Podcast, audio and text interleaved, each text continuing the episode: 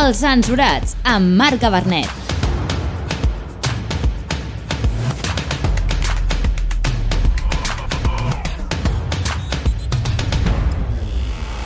Què tal, censurats i censurades? Benvingudes i benvinguts una setmana més als Censurats, el programa que els vots de Vox no veurien, per exemple.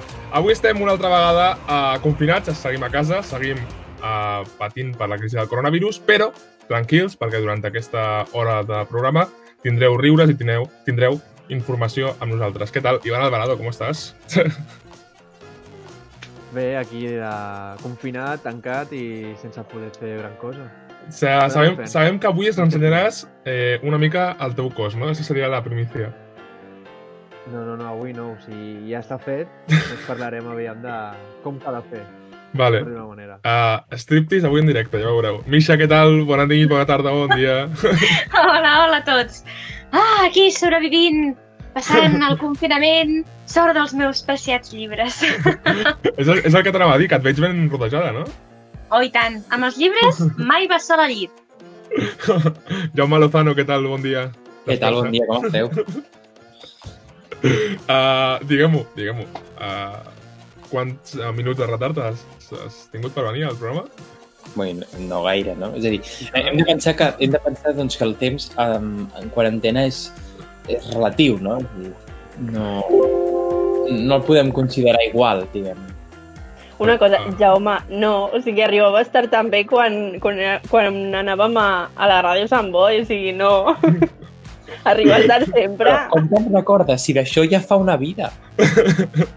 Laia Patal, què tal? Per cada diumenge. Doncs molt bé, com cada dia... Doncs estic igual que cada dia del confinament. Però aquí no, aquí no tinc croissant, tu has de pensar això. Bueno. Escolteu, avui eh, hem parlat del que farà l'Ivan, bueno, hem donat unes pinzellades, anem a fer una mica de sumari del que trobarem al programa d'avui. Per exemple, amb la Misha viatjarem a Andalusia per esbrinar com s'està portant la Setmana Santa, una de les Setmanes Santes més estranyes no? que s'estan visquent allà. Totalment. La Laia Patau ens portarà canvis de look que s'estan posant de moda durant el confinament. Podríem I que no s'haurien de ficar de moda. Podríem dir l'efecte Aaron Piper, no? Totalment, wow, no ho havia pensat. Molt bé, Marc. I el Jaume Lozano, doncs, uh, espero que s'hagi preparat alguna cosa. Només dic això. Jo. Clar que ens hem preparat coses. Doncs dit això, comencem a parlar una mica d'esport de, amb l'Ivan Alvarado. Vinga.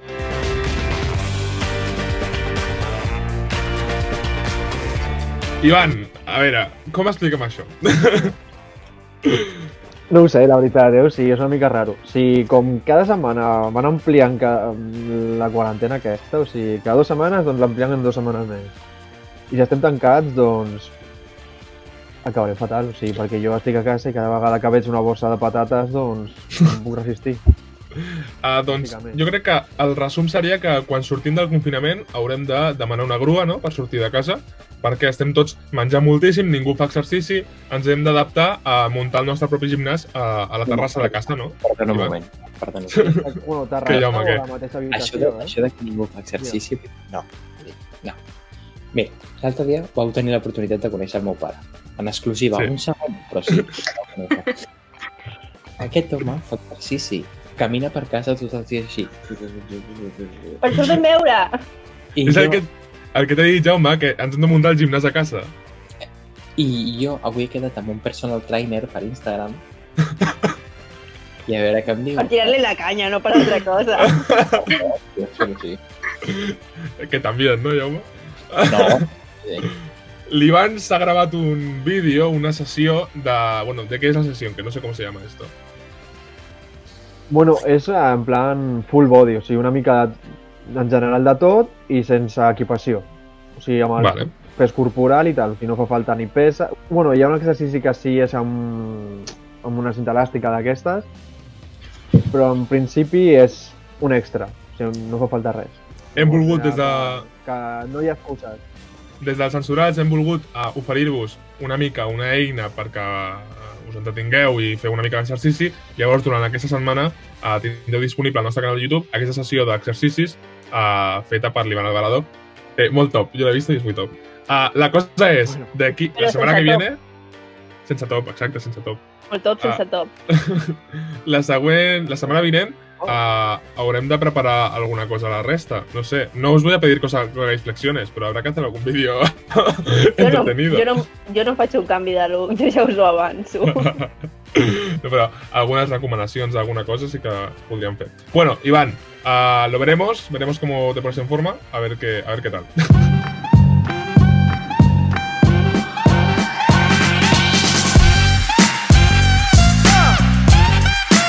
Ara sí, ara sí, important, hem d'anar a Andalusia per veure què està passant.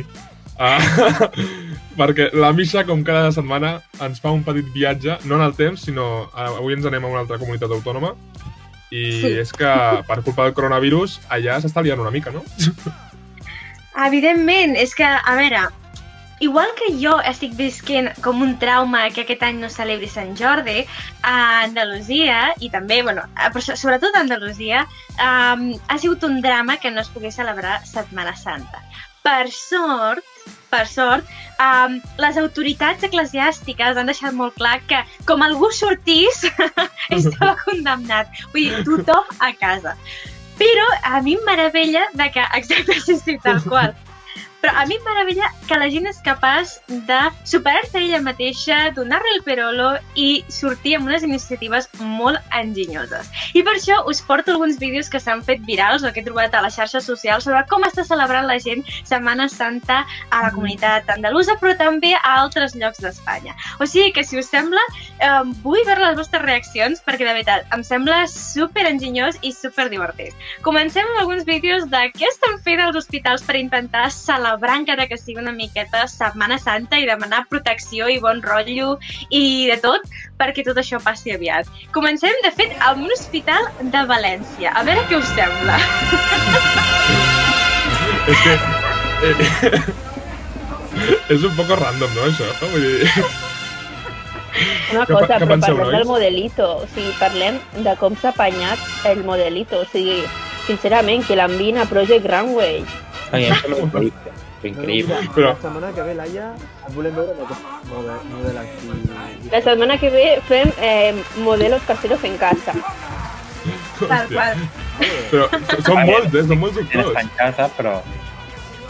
Mhm. Mira, Tal qual, però estic d'acord, eh? M'encanta el model de la, de la... De, suposo que fa de verge, no? És la, la principal. Ara anem a Cádiz, ara sí anem a la Comunitat Valenciana, també en un hospital, si no m'equivoco. També, a veure com han fet ells la seva pròpia processó. Atenció, aquest, aquest té tela, eh?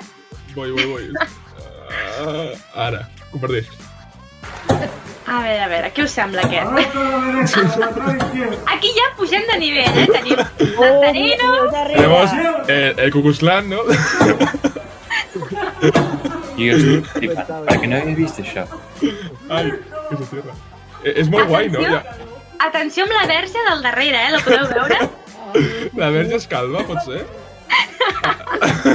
Porta gorro, porta gorro. Ah, porta gorro, porta gorro. I, La i porta les, pla les plantes músties que porten els familiars que s'acaben secant. Les porta el, el metge. Ui, això és otro, no? No, que és el mateix, però aquí podeu apreciar millor el, el Nazareno, la verge, tot, bueno, diví, a mi em sembla diví. Que top, Me- m'encanta. Quines Mai- opinions mai teniu d'aquesta d'aquesta Setmana Santa?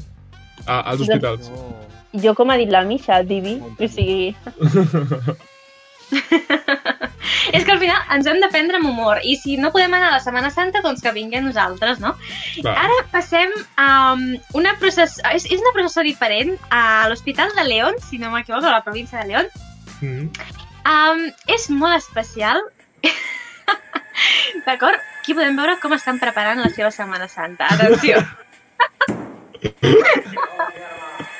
Eh, Oh. a, veure, a veure si hi, ha, hi haurà un accident com a algunes processons i cau el, el, el nino. Ui, espere, espereu que es giri perquè és, és brutal, eh? Els Que meravella. detalls. Que meravella. Em sembla meravellós això, eh? Vull dir, perquè a, darrere de cada detall hi ha una persona que s'està 10 minuts, 15 minuts fent una, una escultureta. eh? 10 Vull dir, minuts Home, només. 15 minuts, això... Aquí hi ha una hora. Bueno, una guàrdia entera de noche. No? Sí, I una hora. Eh, brutal, eh? Mirad, mirad, mirad. És impressionant. Com mola, com mola les tradicions quan les portem una mica a l'extrem, no? A l'humor. M'agrada molt. Fa alguna, cosa, Totalment. alguna cosa més, Misha? No, ja està, ja està, però... Ah, vale, vale. eh, Déu-n'hi-do. Ara sí, això, això són alguns dels vídeos que s'han fet virals respecte a processons no? a, a hospitals. Però atenció, perquè la Setmana Santa, encara que estiguin confinats, també ha arribat als carrers. Ara anem a veure una processó veïnal al carrer Baena de Sevilla. Els veïns no s'han resignat a, a, a no tenir una processó, així que, com a mínim, no sé si ho heu vist, això. No m'ho puc creure. No, no m'ho puc creure. Una cosa, quina meravella. Però a més multiplano, eh? Van canviar els plans. A més, allà. O sigui, Múltiple. la cosa és que, que en una ocasió normal et preocupa... Ja, l'Elfo. Eh, et preocuparia que li caigués a algú, però aquí no hi haurà ningú al carrer perquè li caigui al cap. Viva Nuestra Señora del Callejón, ha dicho, ¿no? Sí, és que, és que hi, ha una, hi ha una Nuestra Senyora per tot, Marc. El que és que com no coneixes tot aquest món... doncs, clar. ¿Está, ¿Está Nuestra Señora de la radio? Segur. Pues- Oh, oh, Habría estaria que- bé, això. Habría que buscarlo. ¿eh? En fi, doncs, t'ho juro que això és una cosa que s'ha repetit molt aquests dies, no només aquest carrer, sinó altres, de gent passant-se no, a aquestes menes de no, processons improvisades de- d'un bloc de pisos a l'altre. Qué bueno. Um, però la gent que, evidentment, que no ha pogut fer això, no s'ha resignat a, no ten, a també a no tenir la seva processó a la seva casa. Així que anem a veure algunes iniciatives interessants que podeu fer també a casa vostra, si us animeu, com per exemple la Verge de la Rumba. Ay, por. Dios. Me parece maravilloso. Es que... T'imagines, a més, fa la processó sobre el ritme de taqui-taqui rumba. Oh! Wow, Eh, la... a, a, quan portem Uau, mm, uau. poc més de 12 minuts de programa, jo crec que podem acabar ja amb el comentari de la Laia. Anem. Una cosa, com a mínim no ha arribat 12 minuts tard. Hola! Quasi que, quasi que és més indigne. Hi hagi pau! Arriba tard. Jaume, no sé què-. Que estem en Setmana Santa. Ja, no Però també hi ha gent que s'ha posat- d'aquesta manera tan intensa. Per la llum del sol i la pell blanca, que, o sigui, és que es reflexa a la meva pantalla. Sí. Hola, hola, com anem amb el bullying? Escolta, Misha, més processons, va. Més processons, va. Ara hi ha persones que s'han posat realment creatives. Anem a veure una, una altra proposta que podeu fer a casa vostra, si us sobra el temps, i Té collons la cosa, eh? Està molt currat. Jo estic... Però a mi, a mi m'encanta perquè, a més, quan acaba la, la processó pots mm, papear una mica, no? El problema és que s'hauria de fer s'hauria de fer un plat de pernil, no amb un de xoriço. Però és una mica, és una, mica una referència a l'església, als impostos... S'hauria de fer amb el que tu et vagi Ai, que té una espateca a baix. Una altra referència a l'església. I per últim, per últim, aquest te'l dedico a tu, Ivan, perquè se, pa, anem a avançar una miqueta el que podeu fer a casa, si voleu fer una mica d'esport, però igualment voleu celebrar la Setmana Santa sense sortir al carrer. Endavant, és molt curt, és un vídeo molt curt. Endavant amb el vídeo, Marc. Endavant amb el vídeo. Uh, pinchado está. Hòstia, qué miedo, en verdad, ¿no? Fa una mica de por, ¿no? Vull dir, Da mucho miedo.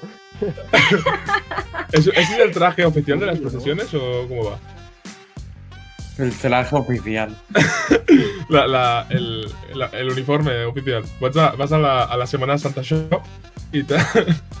Escolta, No. el que mola, el que mola és que, tot i tots els inconvenients d'aquesta crisi, els, els creients s'han pogut posar ingeniosos i han pogut fer la seva festivitat. Això mola molt. Totalment. I a més, ha prevalgut la solidaritat, la gent ha, ha estat fent pinya i estic molt contenta de que, encara que estiguem confinats, hagin pogut celebrar la Setmana Santa. De veritat que m'alegro molt per ells.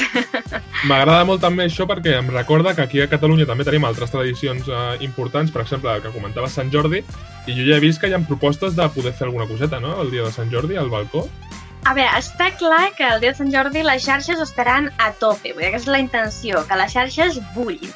Però també hi ha moltes iniciatives uh, per vendre's llibres uh, entre els familiars uh, bueno, no sé, no sé si n'heu sentit a parlar, però hi ha una iniciativa que uh, consisteix en preparar una pròpia parada de Sant Jordi a casa teva amb els llibres i intentar vendre'ls als teus familiars i amb els diners que recaptis donar-los precisament a totes les associacions i iniciatives que estan intentant solidaritzar-se amb les llibreries i amb el gremi de... Sí, sí, sí.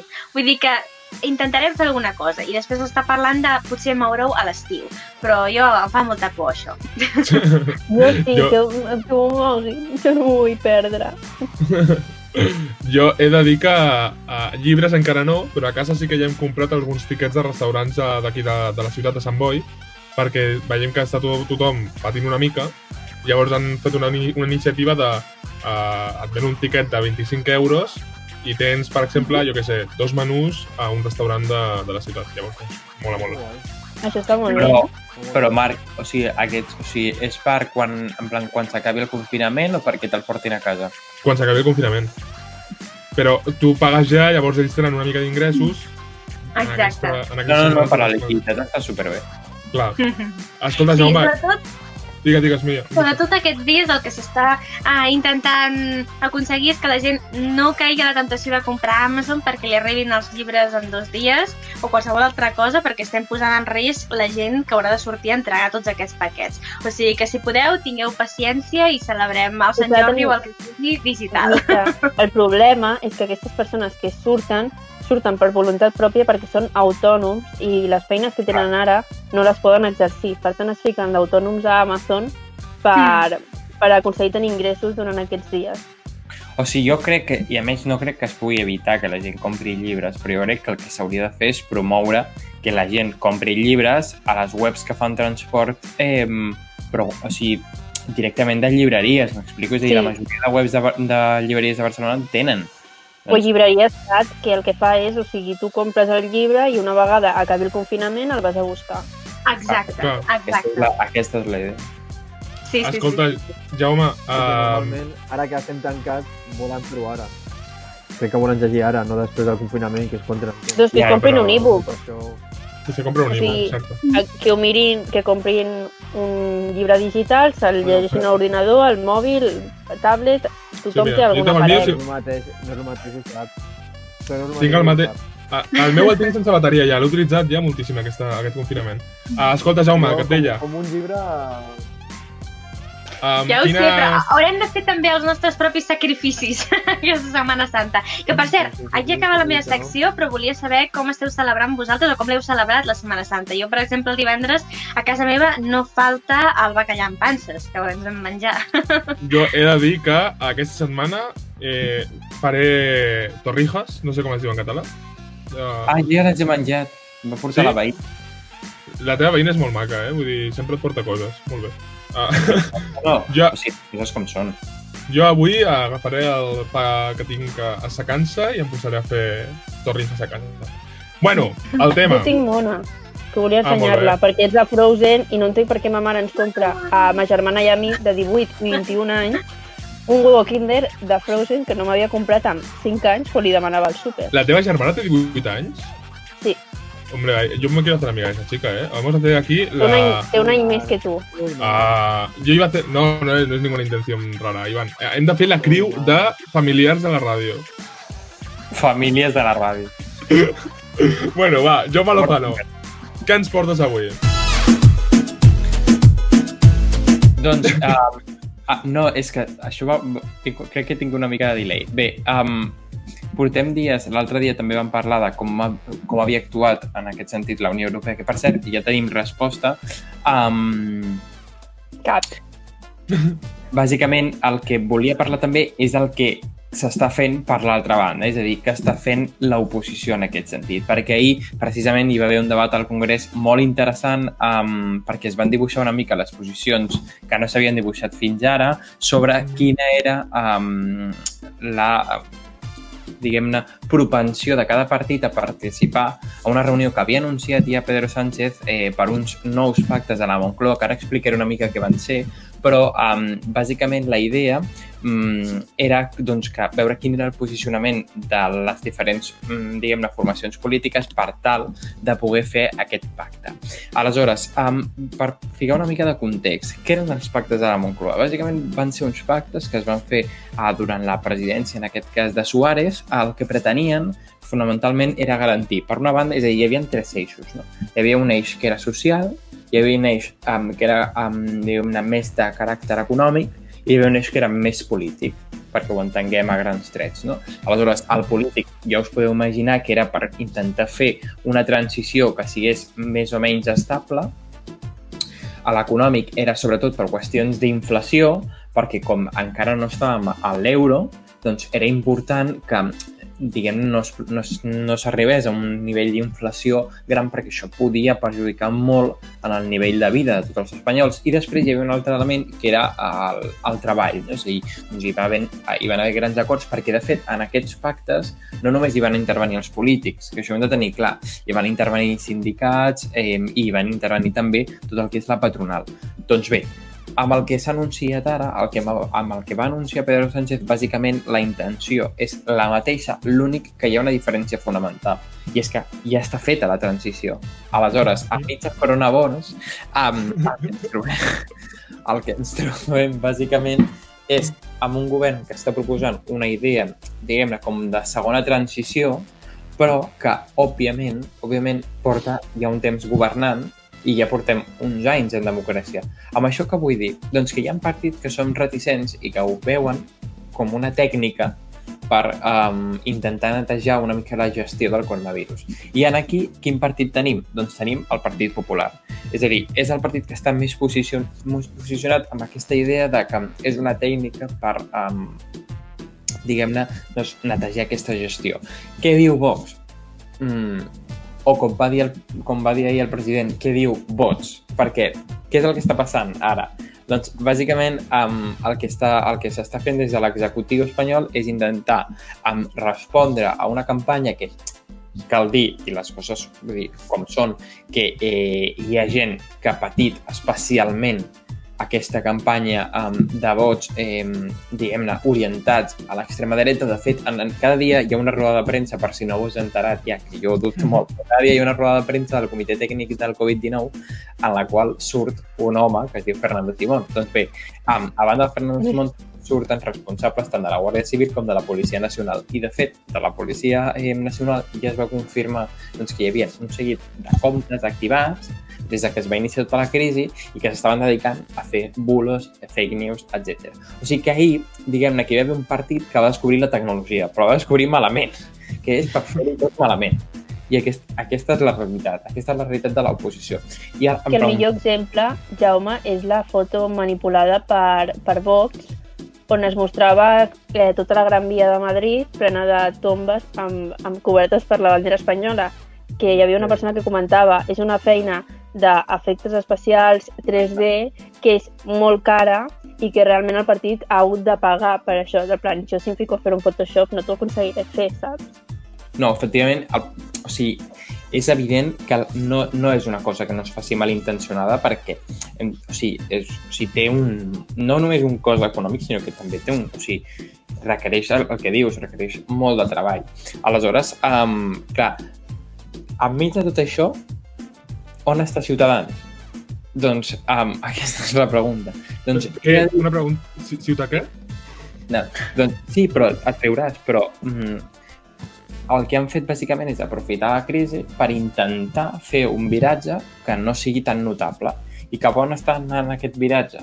Doncs encara que no sigui molt notable perquè és una mica discret, però sí que si tu et mires els debats notes com mm, abans uh, sempre parlàvem no? de que eren, o sigui, de que es ficaves al costat de Vox eh, en algunes intervencions i, i et costava diferenciar-ho. Doncs ahir, mm, si tu ficaves a la intervenció eh, que va fer Edmundo Val, que és el portaveu en aquest cas de Ciutadans, doncs t'adonaves que realment um, hi ha hagut com una flexibilització del discurs i ara som molt més propens, fins i tot hi ha, fet, hi ha, hi ha hagut una oferta amb, a, un, a uns pressupostos. Vull recordar que en el govern hi ha membres de, de, de Podem. Vull dir que, eh, en aquest sentit, eh, jo crec que mm, hi ha hagut un, un canvi de paradigma a nivell polític a l'Estat que és important, eh? malgrat el, tot, tot el tema de, de, la, de la campanya aquesta d'extrema dreta. Vull comentar una cosa més.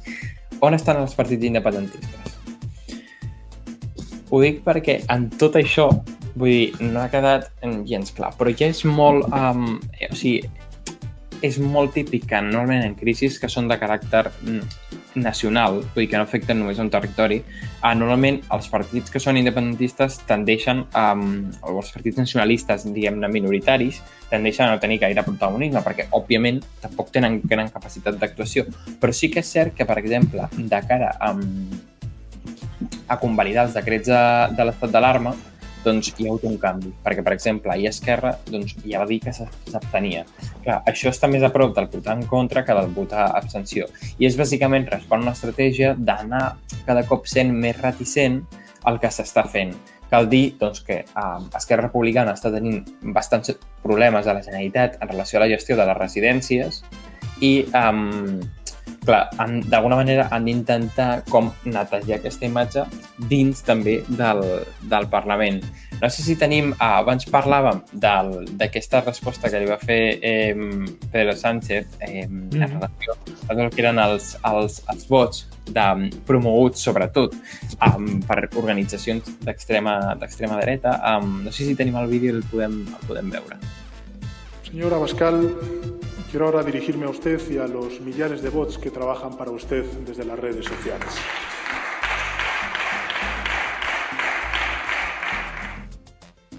És que és bo, eh? El tio fa el tasca preciso.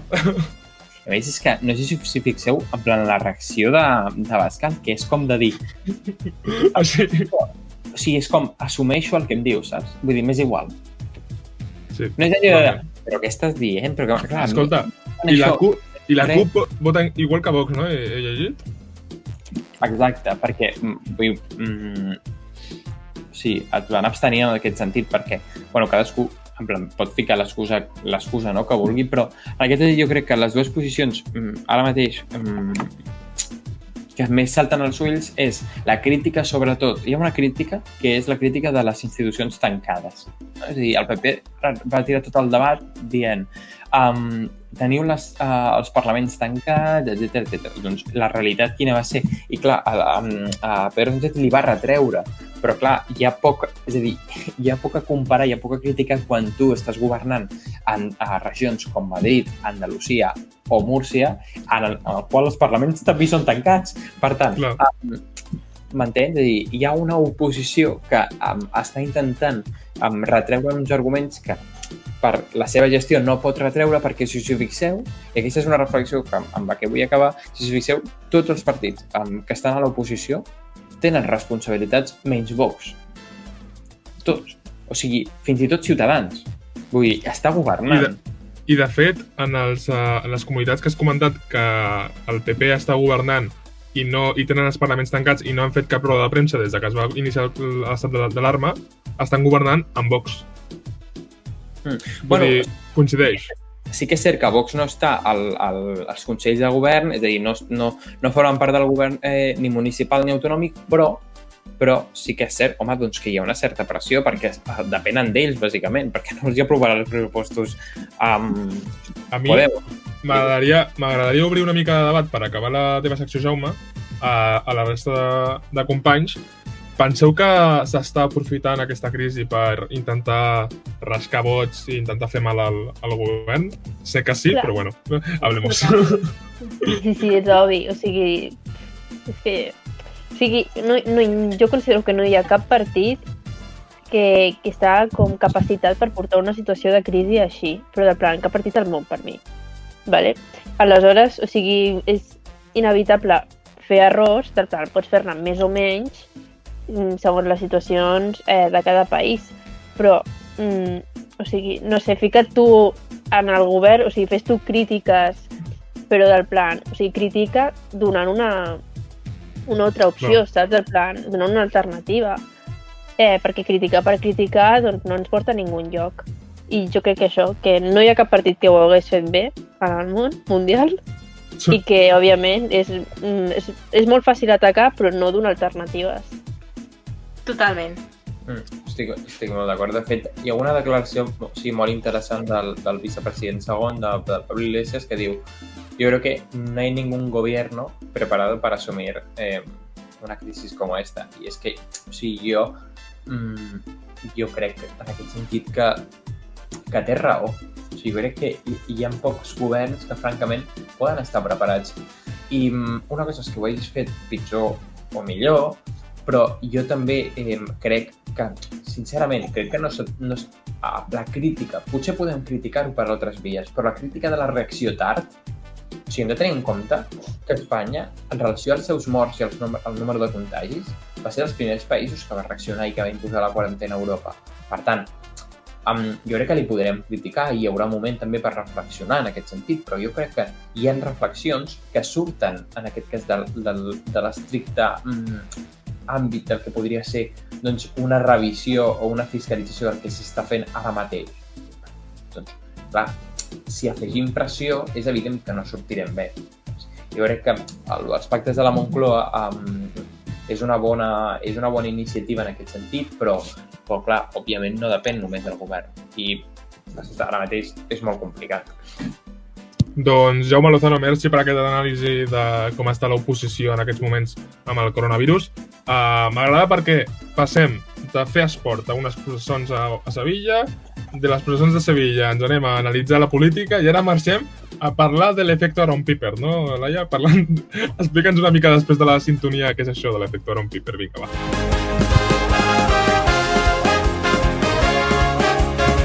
Vinga, Laia, digue'm. No és només l'efecte Aaron Piper, és a dir, ha, o sigui, la- l'efecte Aaron Piper és pels nois, però les noies també volen fer canvis de look i potser, no sé, s'han inspirat en la Rebeca de, de Elite. Però bueno, Am, avui... Laia, Vale, la Choni de Elite. una pregunta.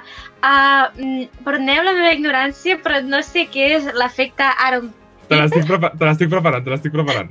Vale, sigui, la- Mira. l'efecte Aaron Piper és el, el xungo de barrio, però el plan... Misha, potete. Aaron Piper és aquest noi d'aquí Mhm. que molt guapo, que fa élite, tal i Ahà. qual, i de cop un dia, per temes del paper que fa élite, es va haver de rapar. Vale. Oh, ja ho veig. Sí, sí, sí. sí Llavors, sí. I l'efecte també Aaron Piper, de guapo. l'efecte Aaron Piper és que És ell, este. ell, ell rapat és guapo igualment, però la gent rapada no ho és. Llavors la gent, la gent vol imitar aquest, aquest pavo. Ja està. Aleshores, Ja hi ha un conjunt de canvis de look que estan, que estan protagonitzats, bueno, que estan ara mateix eh, provocats pel, pel coronavirus, perquè la gent està tancada a casa i no sap què fer, i diu, bueno, què millor que tallar-me el cabell? Doncs mira, hi ha moltíssimes més activitats millors que destrossar-te el cabell. Però bueno, eh, comento ràpidament el, els canvis de look que, que hi ha, fem el carago creu i després els repassem bé Vinga, i els vale. comentem entre tots. Bàsicament són eh, tallar-se serrell, rapar-se, que és l'efecte Aaron Piper, tenyir-se, d'acord, que, que això pot ser millor o pitjor, depèn del color, sempre, i després la gent que diu que quan surti el confinament es tatuarà, però això ja és per després. Bueno, a veure, és que també eh, o sigui, hi ha gent per tot. Bé, doncs comencem amb el cara o creu i la cara de la moneda és que eh, pots experimentar a casa sense que et vegin. Totalment. També pots adonar-te que l'has cagat experimentant i que no et queda bé i que no hauries de tornar a fer en la teva vida. No, yo os digo, yo no me rapo al cero porque tengo miedo a que no vuelva a crecer. A veure, Marc, una cosa... T'ho juro, eh, no, sé que creixerà, però tinc por que no creixi, llavors com, no lo voy a hacer. Però jo he estat, he estat tan Això, és una, que... això de ser una fòbia. En fi, sí. No és normal. Diu, mira, encara crearan un, un challenge que sigui del plan rapar-te i hauràs de nominar els teus amics perquè es rapin. Joder. Mira, sincerament no em sorprendria. bueno, doncs la cara és bàsicament aquesta, o sigui, poder experimentar, però mm, una vegada s'ha experimentat te n'adones que tu eh, no ets Aaron Piper, ni cap model mm, ni personatge d'élite, i que per tant no hauries d'haver-te tallat ni destrossat el cabell mai. Mhm. No, A la però creu- tens raó. Tens raó. És que, mm, bueno, a la creu és bàsicament que no et queda bé, que no ets Aaron Piper, ni cap personatge d'élite, ni cap model, i el serrell que t'has fet és de Choni i no, i no d'influencer. Això per una banda. I, i continuo Això- amb... Això del serrell, jo he vist que tothom, però molta gent està caient. Heu vist fins i tot la Rosalia, em sembla que també es va fer Oh. fotos que La estava Rosalia sembla Demi. Lovato, tot sigui dit. Però, per cert, la Rosalia s'ha ficat llavis, no? O alguna cosa així? No, Això sempre ja no ho sé. Crec Però crec que a casa no ho pots fer, això, eh? Ah, no? Crec que és una pràctica que no podem fer durant el confinament. Bueno, jo crec però- que simplement està fent morritos i un... Sí, jo Ja crec que està. també. Però porta un temps treballant a Miami i allà, que jo sàpiga, en, fins fa una setmana, Lo confirma Miami. Eh, Sembla el Demi Lovato, sí o no? Sí, sí. No, jo crec que Sí, sí. això... No, no, jo crec que no, eh, Marc? Vale, vale. Simplement se'ls ha pintat perquè sembli Sí, que és el gloss. vau els Salvados? Sí, Molt Bueno, i el Salvador ja era Demi Lovato fully transform. Però bueno, passem a, a fer la creu, però la creu amb tots el- els canvis de look aquests. I comencem pel Sarrei. I és que el Sarrei s'hauria d'haver quedat als 2000, que és on el vaig deixar jo quan ma mare me'l tallava. I vaig deixar deixar-lo, al- vaig decidir deixar-lo als 2000, que és a, en, el, bueno, en el segle, en la dècada a la que pertany, d'acord? Per tant, el, el Sarrei ara mateix eh, és de Chonis. O sigui, la gent se'l talla així i queda Johnny. I és el que més he vist i demano des d'aquí, sisplau, que no us talleu el serrei. Què, Ivan? No estàs generalitzant una miqueta? És que em baso en tots els instastories que he vist. O sigui que tots els teus seguidors són xonis? No. No. És que és així, queda així. Però, Queda com el de Taylor Swift, jo crec. Però és que, clar, això, en Modelo Espanya, saps? És Johnny. la Ilenia. També, que és com la Ilenia. Sí, sí, sí. El serrei de la Ilenia és exacte. Però la gent, jo crec que se'l fa... ¿En plan choni o el plan vasco? En el? El pan què? En plan vasco. Saps aquest de... Ah, no, en plan basco no he vist a ningú. Els he vist en plan choni. Però és que, clar, sigui, la gent jo crec que s'ho imagina amb les californianes, les mechites i no sé què, i si no en tens, queda com una mica del plan un mazacote més aquí a la front, saps? Que, per cert, una de les actrius que es talla el cabell ja sola i li queda prou bé és la Úrsula Corberó, la que fa de Tokio a la Casa de Papel. Bueno, Diu que però- ella fa així. Clar, però és que ella mm, podria ser model perfectament, saps? Parlant Eh, de, parlant de models i de canvis de look, m'ha vingut al cap que ho vaig veure l'altre dia. Uh, sabeu qui és John Cortajarena? Sí, no? Alguns ho, ho sabeu? No sabeu Em qui és? sona, però no, ara mateix Vale, no. Un momento, esto lo, lo arreglamos, estamos en, en Un Google. Google ràpid.